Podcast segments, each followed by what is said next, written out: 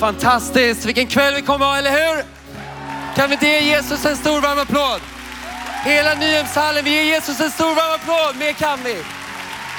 Tack Jesus. Ska vi ge det här otroliga lovsångsteamet också en stor varm applåd? Fantastiskt. Sen kan ni slå er ner på era stolar.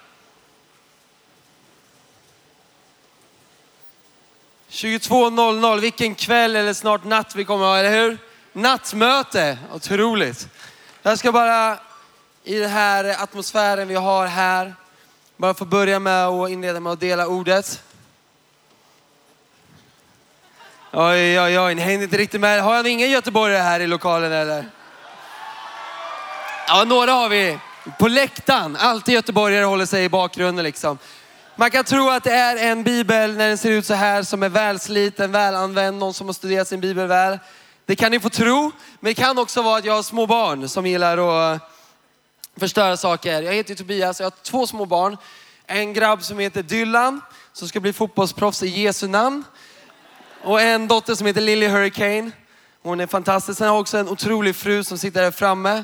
Hon är den bättre hälften av oss, så ni valde fel person här ikväll när ni kallade någon att predika. Men eh, det här med att bli fotbollsproffs, det är ju någonting de här VM-tiderna. Man kan inte låta bli att predika utan att börja och prata lite fotboll, eller hur? Och jag, ni, ni, som arrangerar Nyhem, jag är sjukt tacksam för att jag får komma och för det förtroendet. Men jag ska också säga att jag saknade någon TV där ute med fotboll på liksom, området. Så man kan se överallt där man sitter. Jag tycker det ska, det ska vara en TV någonstans. Men vilka blir fotbollsproffs egentligen? Har ni tänkt på det? Jag håller ju på och försöker få min grabb att bli fotbollsproffs. Jag håller på att ta reda på vad är det som gör att de blir fotbollsproffs. Jag har sett att vissa, om man kollar på Ronaldo och Messi, de blir proffs och så har de en, en väldigt trasig bakgrund märker man. Många av de som blir stora, de har svåra bakgrunder, växer upp i liksom otrolig kanske fattigdom eller vad det nu kan vara. Så jag funderade ett tag på det där med min grabb, men sen så tänkte jag, nej, det kanske inte är den vägen jag ska gå. Men men det man också ser, jag såg på Ronaldo här igår när han gjorde tre mål, det var mäktig syn det är att de är sjukt fokuserade på sitt mål. Deras mål är tydligt. De som är lite tveksamma på om de ska bli fotbollsproffs eller inte, de blir inte fotbollsproffs. Om du så tvekar lite på vad som är ditt mål eller ditt uppdrag, då lyckas du ofta inte med det. Och det är faktiskt sanningen bakom det. Man kan tro att det är talang, man kan tro att det är eh, någonting de fick med sig på insidan vad det är. Men ofta är det att de har ett otroligt driv efter det målet. Om du så kollar på vilka som lyckas med deras företag, vilka som lyckas i sport eller sång eller vad det nu kan vara. Så är det människor som har ett tydligt mål, tydligt uppdrag som de springer efter. Och vet du vad jag också inser? Att det är otroligt attraktivt att ha ett tydligt mål. När jag kollar på människor som inspirerar mig, människor som, som jag gillar att ta rygg på eller människor som bara jag blir intresserad av. Så är det människor som drivs av någonting. Som vet vad de är på väg. De vaknar inte upp av en slump utan de har något driv. Någonting de siktar mot, något mål i deras liv. Så vad har du för mål? Har du tänkt på det? Vad har du för mål med att vara här på Nyhem? Vad har du för mål när du vaknar upp på dagen? Vad har du för uppdrag? Vad är det du brinner för? Vad drivs du av? Varför gör du det du gör om dagarna? Varför bor du där du bor? Vad har du för mål? Det är en viktig fråga jag tycker vi alla kan ställa oss. Vad har jag för mål egentligen? Ytterst sett, vad är, det, vad är min, min drivkraft? Vad är det jag vill liksom åstadkomma? Och så läste jag lite Bibeln också. Lite sliten är den på grund av det också. Det är inte bara liksom fotboll. Jag läste lite Bibel också. Och så märkte jag att är det någon person som är bra på att ge folk mål så är det Jesus. För han möter människor och i vilken situation som helst han möter människor så ger de dem ofta något ny drivkraft, något mål i deras liv. Ni vet människor som möter Jesus, de fortsätter sällan göra samma sak som de tidigare gjorde. Ett möte med Jesus, det brukar förändra allting. Det gör det i Bibeln här liksom. Så vi kan läsa i, eh, i eh, om ni slår upp Matteus evangeliets kapitel 4, så står det så här från vers 18. Är ni med? Bra, ja, ni får slå upp snabbt eller kolla på skärmarna för nu kör vi. När Jesus vandrade ut med Galileiska sjön fick han se två bröder. Simon som kallas Petrus och hans bror Andreas. De stod vid sjön och fiskade med kastnät, för de var fiskare. Han sade till dem, kom och följ mig, jag ska göra er till människofiskare. Och de lämnade genast näten och de följde honom. Och efter det här mötet, Petrus han står som fiskare, möter Jesus som säger kom följ mig, jag ska göra er till människofiskare. Han ger alltså ett nytt uppdrag, ett nytt mål. Och det som händer Petrus här, det förändrar hela hans liv. Hans liv blir aldrig detsamma som från den dagen han mötte Jesus. Och han fick ett nytt mål, ett nytt uppdrag i livet. Och från Bibeln, om du läser här i evangeliet så ser du att Petrus han får med om så många otroliga saker i sitt liv. Spännande saker, utmanande saker, det går upp, det går ner. Hur som helst så är det en sån resa han får med om. Och så är det med Jesus. Vi kan tro att bara ta emot Jesus, att det stannar med att vi får ta emot honom. Nej, det är då äventyret, det är då resan börjar. För då vi får ett nytt mål, ett nytt uppdrag vad vi är på väg mot. Samma sak händer med Petrus. Men jag funderar också mitt i det här när jag läser om Bibeln om Petrus. Så funderar jag, tvekade han någon gång på om det var rätt val? Var det här målet rätt att ta? Har han verkligen valt rätt uppdrag eller borde han egentligen varit kvar där i fiskebåten? För många gånger så blåser det rätt så hårt när han är ute på sina uppdrag. Många gånger är det ganska utmanande saker han står inför. Tvekade han någon gång? Kände han någon gång så här, jag borde backa tillbaka, jag valde fel. Jag borde ta mitt spö, mitt nät, det här jag kunde. Gick de tankarna i hans huvud? Och jag tror faktiskt att det kan ha gjort det. Jag tror att några stunder så måste han ändå ha tänkt, borde jag verkligen följt den här Jesus? Vem, vem är han egentligen liksom? Hur kan jag ha gett hela mitt liv till den här snubben? Jag menar, han visste inte speciellt mycket om honom. Vi läser ju Bibeln nu och läser, men vad visste han egentligen då? Men på något sätt var det så att Jesus utmaning till Petrus fick han att tycka att det uppdraget var så värt så det kunde kosta mig många saker. Det kunde kosta mig min, min komfort, kosta mig min enkelhet. Vad det nu kunde vara så tyckte han det var värt att springa efter det här målet. Men vad har vi för mål då som vi tycker är värt att springa mot? Även om det känns svårt, även om det känns utmanande. Jag läste ett fantastiskt ställe i Jesaja. Jag ska läsa det för er ikväll. Det är en del ord liksom, det är en del verser. Men jag tror vi är redo för det, eller hur? Även fast det är 22.00. Jag har käkat lite våfflor, jag har druckit lite läsk. Men det här bibelordet är så fantastiskt bra. Det står så här i Jesaja kapitel 49, vers 1-3. Hör på mig ni fjärran länder. Lyssna ni avlägsna folk. Herren kallar mig redan i moderlivet. Han nämnde mig vid namn redan i min mors sköte. Han gjorde min tunga till ett skarpt svärd och gömde mig under sin skyddande hand. Han gjorde mig till en vass pil som han förvarade i sitt koger. Och så senare i kapitlet står det så här, här kommer uppdraget. Jag ska göra dig till ett ljus för andra folk och för att min räddning ska nå över hela jorden. Här har vi ett uppdrag. Och det står redan från vår mammas mage så är vi kallade till att leva det här livet. Och till att vara en pil i Guds koger. Med ett uppdrag, att vara Guds tjänare och visa hans härlighet och sprida Guds ljus och vara till räddning för hela jorden. Så om du sitter här och du inte har ett mål, jag kan ge dig det. Här har du det. Var Guds tjänare, visa hans härlighet, sprid hans ljus och var till räddning över hela jorden. Wow, vilket uppdrag, eller hur? Vilket uppdrag det är att vara här. Och vi ska vara det för den här världens skull. Jag älskar det här temat på Nyhem. Tänk att vi får vara här för den här världens skull. Det finns så mycket mål, så mycket uppdrag som folk gör för sin egna skull. Jag ska lyckas för det här, för det här är min dröm. Jag ska lyckas för det här, för att mitt hus ska se ut så här. Jag ska lyckas så här, så mitt bankkonto ser ut så här. Så många drömmar. Det behöver inte vara fel med de där drömmarna. Men tänk att vi får ha en dröm som är för den här världens skull. Att vi får ha en ljus och sprida Jesus kärlek för den här världens skull. Det du är på din skola. Tänk att du får ha det här målet, det här uppdraget. Men hur svårt är det inte då? Om vi nu har det här uppdraget, hur ser vår värld ut? Vi kan tycka vi är mycket folk här, men mycket folk, jag menar jag var inne i Jönköping och alla var på väg till DreamHack. När vi skulle bo på ett hotellrum så det finns ingen rum liksom. Det är fullt och vi tänkte yes, Nyhem är packat. Och sen såg vi det ute i foajén att det här ser inte riktigt ut som Nyhem-besökarna med headset runt liksom och de var laddade på DreamHack. Förstår vi har många utanför oss, eller hur? Att nå. Och hur kan vi nå dem egentligen? Ibland känns det som en omöjlighet. Ibland känns det som det här uppdraget, vadå ska vi nå hela världen? Jag kan se att min klass är omöjlig att nå. Men hur gör vi då? Vi har ju fått det här målet. Vi har ju fått uppdraget. Gud själv säger det till oss, eller hur? Men hur ska vi göra det möjligt? Jag tänker på vad stod det också här i texten? Jo, det stod att vi skulle vara ett pil i Guds koger. Koger, hand upp, hur många vet vad det är ens här? Okej, okay, bra, ni kan det här. Det är en del som kan det med pil.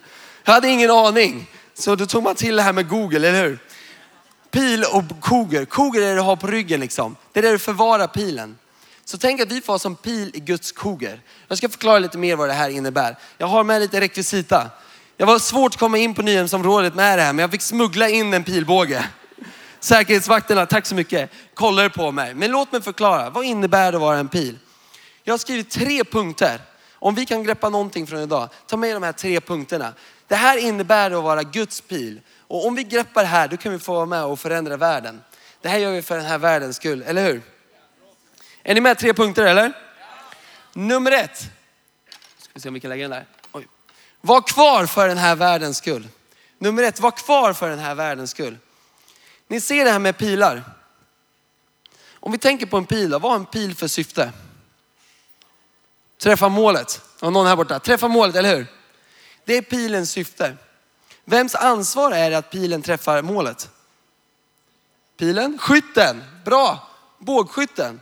Så om vi är en pil i Guds koger, vem är då, Guds, eh, vem är då bågskytten? Gud, eller hur? Så om vi har fått ett mål av Gud, han säger att vi är hans pil i hans koger, han är bågskytten. Vem ansvarar då att vi lyckas med det här målet?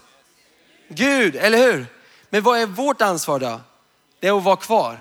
Om vi som pil bestämmer oss att vi kan vara någon annanstans, vi lämnar Guds koger, vi lämnar hans pilbåge, då kommer den här pilen aldrig träffa sitt mål. Men om du och jag kan så enkelt bestämma oss att vara kvar på pilen, på dess sträng, vara redo när Gud vill skjuta mot det målet. Då är det hans ansvar att vi träffar målet, eller hur?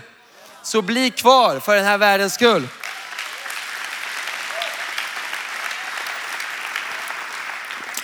Om vi går tillbaka till Petrus då. Petrus, varför tror ni att han blev en av de tolv lärjungarna? Tror ni att det var för hans talang? Nej, för han var ju en fiskare. Vad kunde den där fiskaren gå runt och predika evangeliet? Det finns ju massa mer folk som var lärda i Bibeln än en fiskare. Så det var ju någonting annat. Och det jag tänker var en av Petrus styrka när jag läser om evangeliet, det var att han var kvar. Så enkelt, han var kvar. Tänk att ibland behöver det inte vara så mycket krångligare. Ibland behöver du inte kunna allting. Ibland behöver inte du komma från den bästa bakgrunden. Du behöver inte läsa alla bibelskolor eller utbildningar, även om inte det är fel. Men tänk ibland räcker det att man är kvar. Man är kvar när det stormar, man är kvar när utmaningarna kommer. Och det står så här i Johannes kapitel 6, vers 66. Det är Jesus som går runt än en gång och så står det så här. Då drog sig många av hans lärjungar tillbaka och ville inte följa med honom. Jesus sa det till de tolv, inte vill väl ni också gå iväg? Simon Petrus svarade, Herren, till vem skulle vi gå? Du har det eviga livets ord och vi tror och vi förstår att du är den Guds heliga. Till vem skulle vi gå? Petrus han stannade kvar. Och vi är i en generation som inte är direkt kända för att stanna kvar. Som inte är de bästa på att stanna kvar. Visste ni att Sverige är det landet i EU där vi slutar jobben snabbast? Vi byter jobb som aldrig förr. Förut så gick du runt och stylade med en guldklocka för att det var lång och trogen tjänst. För du hade jobbat, jag vet inte, 30 år eller vad det är, jag vet inte hur länge det är. Idag går du runt och stylar med guldklockan för att du bytt jobb så mycket för att få hög lön. Det är sant. Ni vet ibland när du, du kanske har fått ett dåligt flöde på ditt Instagram eller du har fått mer, mer, du följer mer än dina följare. Då byter du Instagram. Eller hur? Jag har sett så här, de byter Instagram varje vecka för att få den bästa Instagramen. För man är inte riktigt nöjda. Eller kläderna som man ena veckan tyckte var perfekta har nu blivit omoderna. Då byter vi dem. Vår skola passar inte, vår klass passar inte. Då byter vi dem. Vi har blivit en generation som byter saker snabbare än tidigare. Det finns ingen stolthet längre att vara kvar. Och det behöver inte vara fel att byta. Det måste inte vara fel att byta klass. Det är inte det jag säger. Men jag vill att vi aktar oss för att ta den här byteskulturen in i kyrkan eller in till vår relation med Jesus.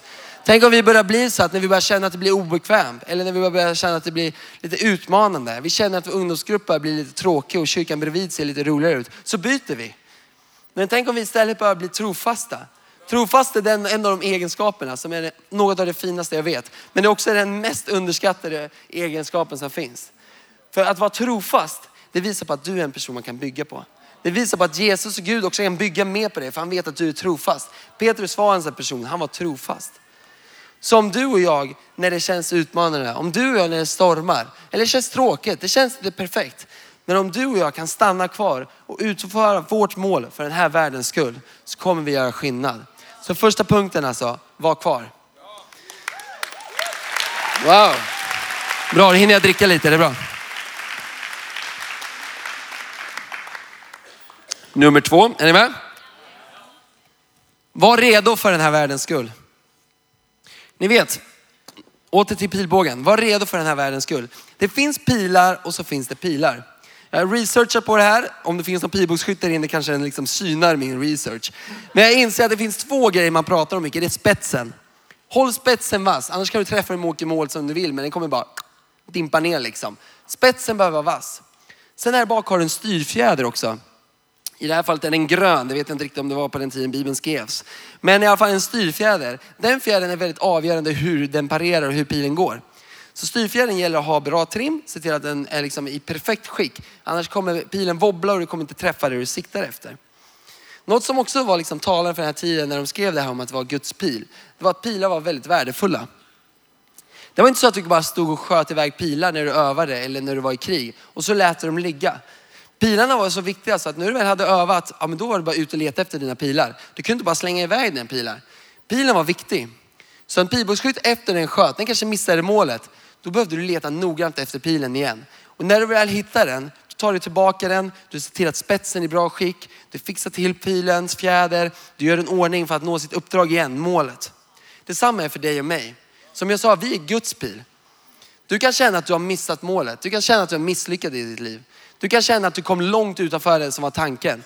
Men du är värdefull för Gud. Lika viktig som pilen var för pilbågsskytten, så är du för Gud. Han kommer inte lämna dig där. Han kommer leta, han kommer söka tills han hittar dig. Och när han hittar dig så tar han hand om dig igen. Han liksom shapar upp det, han putsar på det, han gör dig redo för nästa mål. Gud kommer aldrig lämna dig. Han kommer finnas vid din sida, han kommer göra dig redo. Så om du var redo för din världs skull, sök dig till Jesus, sök dig till Gud. Kom tillbaka till honom. Vandra inte liv utan honom. Han har uppdrag för dig. Han har äventyr för dig.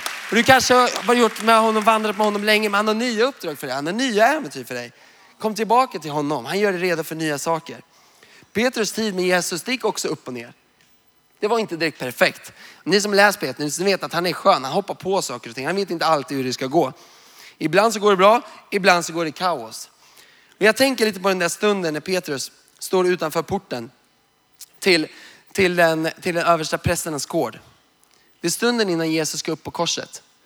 Jesus står där samlas, han håller på att döms till döden inne på gården. Och i porten står Petrus, han har inte följt med Jesus in. Han gömmer sig istället utanför porten. Och så hör han hur de samtalar om hur hans Jesus, hans mästare och vän ska dömas till döden. Petrus som var så, som var så stark, så modig, han börjar gömma sig nu. Och så kommer en flicka till honom och frågar, du är en av lärjungarna, känner du Jesus? Och den stora starka Petrus, han vågar inte ens stå där och stå upp för sin mästare utan säger nej, jag känner den inte. Tre gånger förnekar han Jesus. Tre gånger dissar han och sveker honom. Du vet, vi kan tycka att det är någon som liksom avföljde oss på Instagram eller inte likade vår bild och vi blir sura för det. Men här snackar vi svek på allvar. Han står inför döden och blir lämnad av Petrus. Tre gånger. Hur känns det egentligen? Och vad gjorde det med Petrus? Vad gjorde det här sveket med Petrus?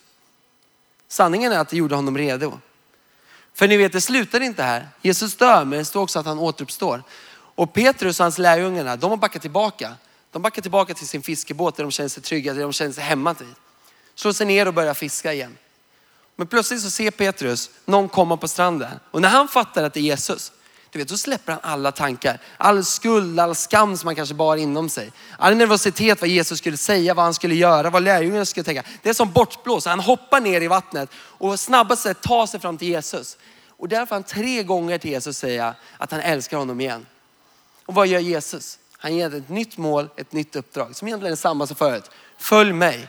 Ta mina får på beten. Följ mig. Jag ska ta tillbaka till pilbågen och ska förklara vad det är som händer. Jag vet gånger i mitt liv också när jag känt att, att det går bakåt. Man känner att man vet inte riktigt hur det går med det här målet, med uppdraget man hade. Men tänk om det är så här då. Att varje gång du känner att ditt liv går bakåt så är det faktiskt Gud som spänner bak sin pilbåge. Varje steg du känner att nu är det misslyckande. Nu tog de där orden på mig den där personen sa. Nu kraschade mina föräldrars relation. Jag vet inte vad jag ska göra längre. Nu kraschade det här jag trodde jag hade byggt upp.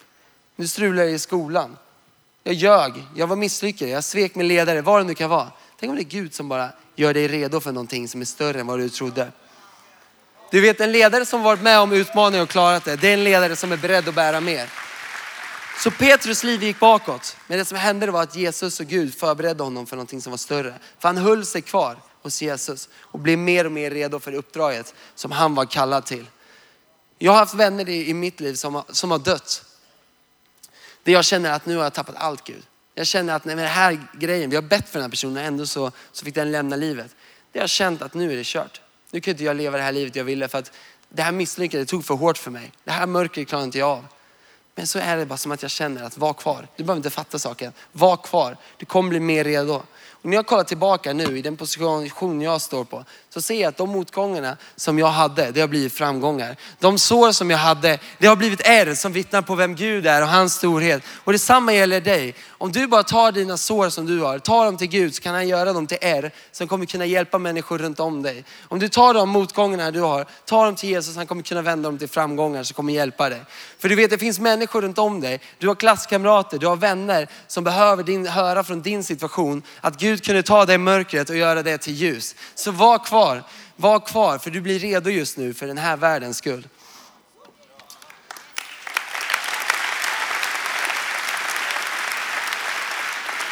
Jag ska säga en till grej med det här som kommer till att vara redo. Se till att plantera dig i en kyrka. Se till att vilka vänner du har runt om dig. För det står i Bibeln att järn sliper järn. Så det finns inget bättre du kan göra dig redo för, ditt uppdrag, än att göra det tillsammans med, med dina vänner, med en grupp som är troende, som du kan be tillsammans för, som du kan stå tillsammans för i tro. För det kommer göra dig redo, det kommer göra din styrfjäder, din spets redo. För tillsammans så kan ni slipa varandra. Se till att du har grymma vänner runt om dig, som bygger upp dig. Du väljer vilka människor som talar in i ditt liv. Du väljer vilka människor som, som får bygga in i ditt liv. Eller hur? Är ni redo för punkt nummer tre? Punkt nummer tre. Var brinnande för den här världens skull. Nu händer det, eller hur? Jag älskar stunden i actionfilmer när det är en jämn kamp. Pilbågsskyttarna står och skjuter. De här hästarna har ridit sin vända. Spjutmännen kommer. Och så är det några sköningar som börjar linda lite, eller de har gjort det innan. Men de har tygbitar med olja vid spetsen. Och så börjar de med det överlägsna. De börjar doppa pilen i eld och börjar skjuta med eld. Och det är något oerhört underbart med det här. för jag tänker alltid så här, kunde de inte kommit på den där elden från början? Varför väntar man alltid och gör det i slutet, då avgörande sekunden? Okej, okay, men vi tar elden killar. Det är som att man bara står och väntar, man ska ha lite spänning. För alla vet att när, pinnan, när pilarna börjar brinna, ja men då är det kört, då vet vi vilka som vinner. För det som händer är att en pil kan träffa en person. Men en pil som brinner, den kan tända eld på en hel stad. Inte en mur kan stoppa den, inga svårigheter kan stoppa en brinnande pil. För det räcker med att den bara kommer in någonstans så förändrar den en hel stad. Om vi ska förändra en hel värld, om vi säger att vi ska gå ut härifrån i den här byggnaden för den här världens skull, så tror jag att det är dags att vi börjar tända eld på våra pilar. Vi, behöver, vi kan inte stå och skjuta en i taget och träffa ett mål i taget. Vi behöver brinna för den här världens skull. Vi behöver brinna inom oss för den här världens skull. Och det som händer efter att Jesus återuppstår, så åker han tillbaka upp i himlen. Men han börjar prata med lärjungen om någonting. För det är på väg att hända någonting riktigt stort. Petrus liv håller på att bli förvandlad för all framtid. Och han pratar med lärjungarna, men jag vet inte om de förstår allting. Det här var inte det skarpaste gänget. Men han samlar dem i alla fall i Johannes evangeliet kapitel 15. Så säger han så här. Först tog han en liten vattenpaus. Och sen sa han så här. När hjälparen kommer, som jag ska sända er från Fadern, sanningens ande som utgår från Fadern, då ska han vittna om mig. Också ni ska vittna, ty ni har varit med mig från början. Så de bär med sig ett löfte att en hjälpare kommer. Någon ande på något sätt ska komma och hjälpa dem. Sen försvinner Jesus upp i himlen igen och lärjungarna blir ensamma kvar. Så står det så här när pingstdagen kommer. Att när pingstdagen kommer var de alla församlade då hörde de plötsligt från himlen ett dån som av en stormvind. Det fyllde hela huset där de satt. Alla fylldes av helig ande och började tala tungotal med de orden som anden ingav dem. Petrus får anden som en eld ovanför huvudet. Den där ängsliga killen som stod och tryckte utanför porten. Han blir träffad av en ande, en eld. Och det som händer på honom är otroligt. Det här är en historia. Han går upp inför en stor massa som det här. Det här är liksom en ynka del. En stor, stor, stor, större massa. Den lilla nervösa Petrus kliver nu upp inför massan. Så börjar han predika om Jesus, som evangeliet. Om den Jesus som korsfäst, att han är en Gud. Och det slutar inte bara med att några, liksom, några grann bestämmer sig att följa Jesus. 3000 människor, 3000 människor den dagen beslutar sig att döpa sig. För att Petrus, den ynkliga grabben där, blev träffad av en ande som tände eld på honom så att han vågar stå inför skaror och predika om evangeliet. Tänk om du går ut härifrån och blir träffad av samma eld och kommer till din skola. Är det någon här som ens går på en skola med 3000 människor? Det är inte ens det. Tänk om du kan se hela din skola gå och döpa sig för att du får gå härifrån, kanske ängslig, kanske yngslig. Du kanske inte ens vågar stå upp för att du är kristen för dina vänner. Men tänk om du blir träffad av den anden så att när du kommer tillbaka till din skola så kommer du kunna brinna som Petrus och så predika evangeliet som Petrus. För det är vad det hela handlar om. Det är vad den här anden handlar om. Han är inte bara någonting konstigt, någonting flummigt. Han finns till för den här världens skull. För att vi behöver få vittna, vi behöver få den kraft för att gå ut där vi finns. I vår värld för att vittna om Jesu kärlek. För att det finns en Gud som älskar dina vänner. För att de inte är ensamma. De behöver inte hata sig själva, de kan älska sig själva. De behöver inte tycka att de är misslyckade, de kan tycka att de är lyckade. För att Jesus älskar dem. För att han har en plan med deras liv. Och de är värdefulla. Och Paulus, han skriver så underbart att samma kraft som uppväckte Jesus från de döda, han bor i oss. Samma kraft som uppväckte Jesus från de döda, den kan flytta in i ditt hjärta. Du kan få den kraften inom dig. Du behöver inte göra det i egen kraft längre, du kan göra det genom honom. Så när vårt mål som jag pratar om ser omöjligt och svårt ut. När du känner att jag är ensam kristen i min klass, det finns ingen annan som tror. Jag är den enda ungdomen i min skola. Jag kanske är den enda kristna i min familj. Mina föräldrar tycker att det är sämst att jag är här. Du gör det inte själv. Kom ihåg det att allting du ska göra, allt det du är kallad till, det mål som du kan bära inom dig, det kommer ske genom anden. Genom hans kraft kommer det kunna ske. För den anden bor inom dig. För det är inte längre genom din kraft, det är genom hans kraft. Jag tyckte det var svårt många gånger när jag gick i skolan. Jag, hamnade i, jag var ofta i det här gänget som var lite struligt, som fick gå till rektorn och, allt möjligt sånt där. Jag kände det var svårt. Jag var sämst på att liksom vara den här kristna killen. Jag fattade inte vad det gjorde för skillnad att jag gick på den skolan, den klassen. Jag försökte. Jag stod upp där och frågade om jag var kristen. Ja, det var jag. Men hur mycket hjälpte det med mitt liv? Hur mycket skillnad gjorde det? För några veckor sedan så ringde en kompis som gick med högstadiet ifrån. Han ringde mig och sa, kan, kan inte vi snacka? Snälla, kan vi inte vi ses och snacka? Så får jag höra att hans relation har strulat till sig ordentligt med hans tjej. Och han frågar bara om råd. Kan du hjälpa mig? Kan vi prata om det här? Och det slog mig vad häftigt. Alla dagar jag har känt och funderat på vad spelar det för roll det jag gjorde där i skolan så är det någonting som har gjort att den killen, han kommer till mig när han har strul. Han vänder sig till mig när hans relation har skitit sig. Och jag tror inte det har med hur duktig jag är. Jag tror inte det var vilken talang jag är. Men jag tror att han såg att det var någonting som brann inom mig. Att det fanns kanske en kraft inom mig. Det kanske inte var 3000 som blir förändrade. Men den här personen kunde jag få finnas till för. Den här personen kunde jag få hjälpa. Inte genom min styrka, utan genom hans styrka, Guds styrka. Och detsamma kan du få vara med om. Och vi kommer snart, lovsångsbandet kan komma upp och vi kommer snart be, be ordentligt här ikväll för att anden ska få beröra, att anden ska få med oss. Det kommer vi om en stund. Men jag funderade på det här med, med anden länge för jag förstod aldrig riktigt vad det var, varför jag skulle ha med honom att göra. Jag, gick i, jag är uppvuxen i en kyrka där vi, vi pratade inte jättemycket om anden, vi gjorde det ibland, men jag förstod aldrig riktigt. Det enda jag såg med, med anden det var att människor kanske blev lite konstiga på sin höjd. Det var liksom där de blev lite, prata lite mer andligt och sen så, och jag förstod inte grejen liksom. Jag fattade Jesus, jag fattade Gud. Men det var för att jag kollade, jag trodde att det skulle vara för min skull. Jag trodde anden var för min skull. För mina kickar, för mina häftiga grejer, för att jag skulle vara med om saker och ting. Det är klart du inte förstår anden. När Jesus pratar om anden i evangeliet pratar han alltid om vad det är till för andras skull. Så om du ska förstå varför du behöver anden här ikväll så behöver du tänka på dem runt om dig. Du behöver nu börja fundera på din klass, din fotbollslag, din dans, dansgrupp, dina vänner runt om dig. Du behöver tänka på dem så kommer du fatta vad anden är till för. För anden är till för dem. Och när vi kommer be här ikväll, jag har inte kommit hit ikväll till Nyhem, jag tänkte på det här. Jag vägrar åka hit i Nyhem för att vi ska stå där och be. För att ni ska få en andlig kick här ikväll. För att ni ska liksom få vara på något andligt spa. Eller att du får gåshud eller någon kick på det. Jag har kommit här för din världs skull, för din klass skull. När jag gick här ute så såg jag bakom er, era vänner som inte är här. De som ännu inte förstår vem Jesus är. Därför ska vi be här nere sen. Därför ska vi be att anden ska skaka om oss rejält. Och kanske du får gåshud. Kanske du får en kick. Men vi ber inte för det. Vi kommer be för din klass skull. Vi kommer be för dina vänners skull, för att de behöver det.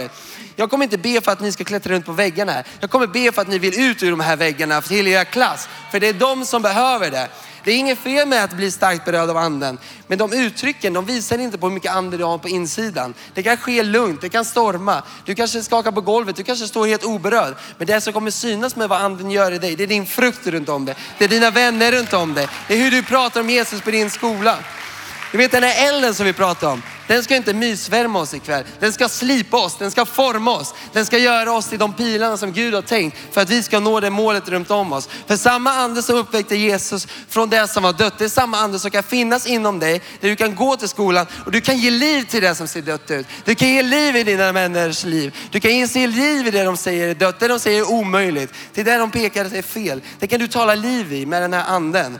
Med hans kraft så kan du vara ljus bland dina vänner. Jag tänker på det här, det finns mycket äldste saker i Bibeln. Men Gud gör aldrig det för att styla. Du vet, han tänder elden för Mose. Han gör inte det för att imponera. Han sänder ner en eld på Elias altare. Det är inte för ett skryt. Lärjungarna går inte runt med några eld på huvudet för en kick. Utan alltid, alltid är det för att Gud längtar efter gemenskap med sina människor igen. Alltid är det för att han har människor att rädda. Alltid har det med människor han behöver befria. Alltid har det människor som behöver hans kärlek in i deras liv. Och det det vi ska vara med om här ikväll. För Guds eld är till för andra genom oss. Och vi ska, vi ska be verkligen. Jag tror på det. Jag tror vi har en bön som kommer kunna skaka rejält. Men det är för att du ska kunna komma tillbaka till din verklighet, till din skola, till dina vänner med en ny verklighet på din insida. Med en insikt om att du går inte i det här själv. Du är en pil på bågskytten, Guds plan. Och jag kommer aldrig nöja mig med att vi går härifrån, att ni kanske recenserar min predikan och säger, ja ah, den var fem plus, den var fyra plus. Ni skriver en häftig kommentar på Instagram. Om min predikan ska vara en win så är det för att du börjar predika den till dina vänner. Min predikan får inte stanna här ikväll, då är den förgäves. Den stannar inte, vi utvärderar inte den ikväll, eller hur? Vi utvärderar den när ni kommer till er skola, till era fotbollslag bland era vänner. Och vad gör det för skillnad där? För Guds uppdrag, det är inte att imponera med spektakel. Guds uppdrag, det är att nå de sårade, nå de behövande, nå dina vänner, nå in i din familj. Kanske nå dig här ikväll om du ännu inte känner dem. Det är Guds uppdrag, det är vad allting handlar om. Det är inte ett spektakel. Det kanske blir ett spektakel ibland, absolut. Låt det vara, det är väl kul det. Men uppdraget är alltid att nå in i människors liv och skaka om dem. Och vi behöver en generation ungdomar som bara slutar stilla på sina armar efter gåshud och börjar stirra efter uppdraget om att nå människor, frälsa människor, låta Jesus kärlek nå in i dem som behöver det. Uppdraget att vi ska vara ett ljus för de andra folket, en räddning för den här världen. Kan vi stå upp tillsammans? Vi ska lovsjunga nu. Och när vi lovsjunger, öppna upp ditt hjärta för att låta anden ta plats. Låt dig formas för det uppdraget, för det målet som Gud har tänkt för dig. När vi lovsjunger så gör vi det inte bara från oss, för oss själva. När vi lovsjunger, låt oss göra det för Sverige här ikväll. Låt den här lovsången inte vara för dig. Lovsjung för Sverige. Lovsjung för dina vänner. Öppna upp ditt hjärta för anden, ropa på hans hjälp. För om du är som jag, då ser det här målet svårt ut. Då ser det omöjligt ut. Men med Guds kraft, med hans hjälp här ikväll, så låt det bli möjligt. I Jesu namn. Amen.